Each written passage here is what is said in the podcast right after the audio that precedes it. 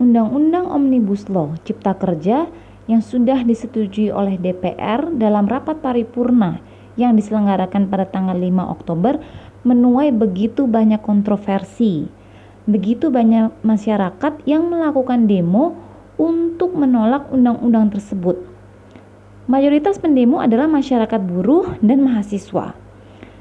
Demo tersebut dilakukan secara serentak terintegrasi di sekitar 11 kota mulai dari Jakarta, Surabaya, Medan, Bandung, Yogyakarta, Lampung, Padang, Cirebon, Tangerang, Manado, dan Malang. Beberapa dari kegiatan demo itu berakhir kisruh. Seperti di Jakarta, terjadi pembakaran di sejumlah tempat, salah satunya di halte Transjakarta Sarinah. Menyikapi fenomena demo ini, pemerintah melalui staf Polri menyatakan bahwa masyarakat yang berdemo itu sebenarnya tidak paham betul isi undang-undang Omnibus Law. Masyarakat banyak yang termakan hoax yang beredar di sosial media. Bahkan, aparat Polri sudah menetapkan tersangka penyebar hoax undang-undang Omnibus Law. Selain itu, pemerintah melalui staf Badan Intelijen Negara menyampaikan bahwa Kegiatan demo itu ditunggangi oleh kepentingan lain yang ingin merusak suasana dan memicu suasana semakin panas. Memangnya apa sih yang sebenarnya terjadi? Kenapa undang-undang Omnibus Law ini menuai begitu banyak penolakan yang luar biasa dari masyarakat dan sebagian para ahli? Teman-teman sekalian, kalau dirunut, awal muasal lahirnya undang-undang Omnibus Law ini itu dimulai sejak Desember tahun 2019 di mana undang-undang ini mulai masuk dalam daftar prolegnas. Undang-undang Omnibus Law ini adalah undang-undang usulan pemerintah.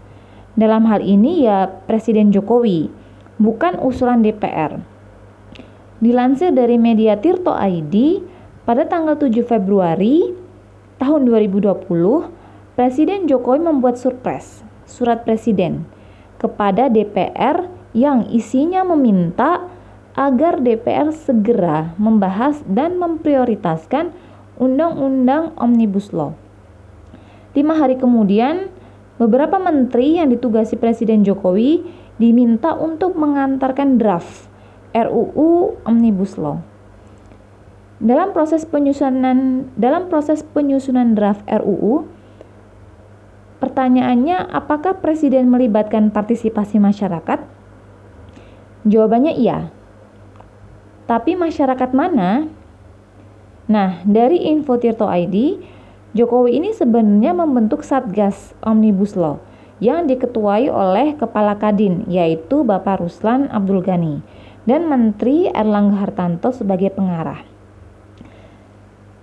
Dan ada 12 rektor yang juga menjadi anggota Satgas di antaranya Rektor UI, Rektor UGM, Rektor UTI, ITB, Rektor ITB, dan beberapa rektor perguruan tinggi swasta. Bahkan nama Gubernur Anies Baswedan tercantum dalam anggota Satgas, tapi Anies menyatakan tidak pernah dapat surat pemberitahuan menjadi anggota Satgas dan tidak pernah diundang dalam pertemuan rapat apa pun. Sebenarnya yang disesalkan oleh masyarakat terutama masyarakat yang berprofesi buruh atau pekerja adalah kurang dibukanya ruang partisipasi dari kalangan mereka dalam pembentukan RUU tersebut. Sebab Undang-Undang Omnibus Law ini memang mengatur banyak bidang yang berbeda-beda. Ada 11 klaster yang diatur. Di antaranya mengatur masalah investasi, masalah pengelolaan lahan, masalah perizinan buka usaha, dan salah satunya juga masalah ketenaga kerjaan.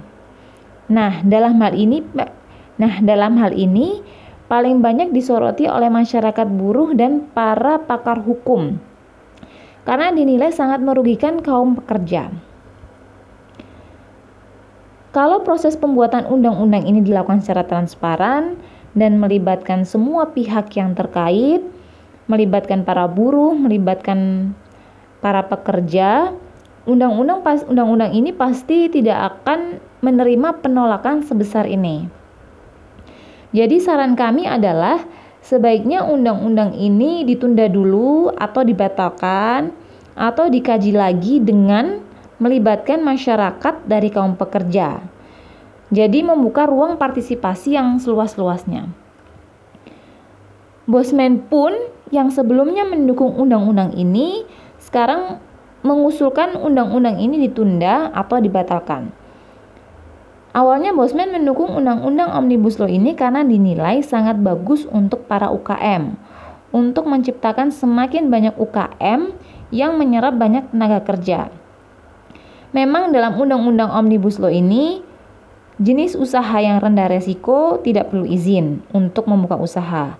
Selain itu, untuk mendirikan perseroan terbatas juga dimudahkan. Nah, peraturan yang seperti ini menguntungkan para pengusaha dan para UKM. Namun kemudian Bosman menganulir sikapnya. Dia sudah tegas, dia sudah tegas menyatakan bahwa menolak undang-undang Omnibus Law ini. Karena memang menurut Bosman tidak semua pengusaha itu berhati putih. Undang-undang Omnibus Law ini bisa menjadi alat legitimasi bagi menjadi alat legitimasi bagi para pengusaha untuk menjadi semakin kapitalis dan mengeksploitasi karyawannya.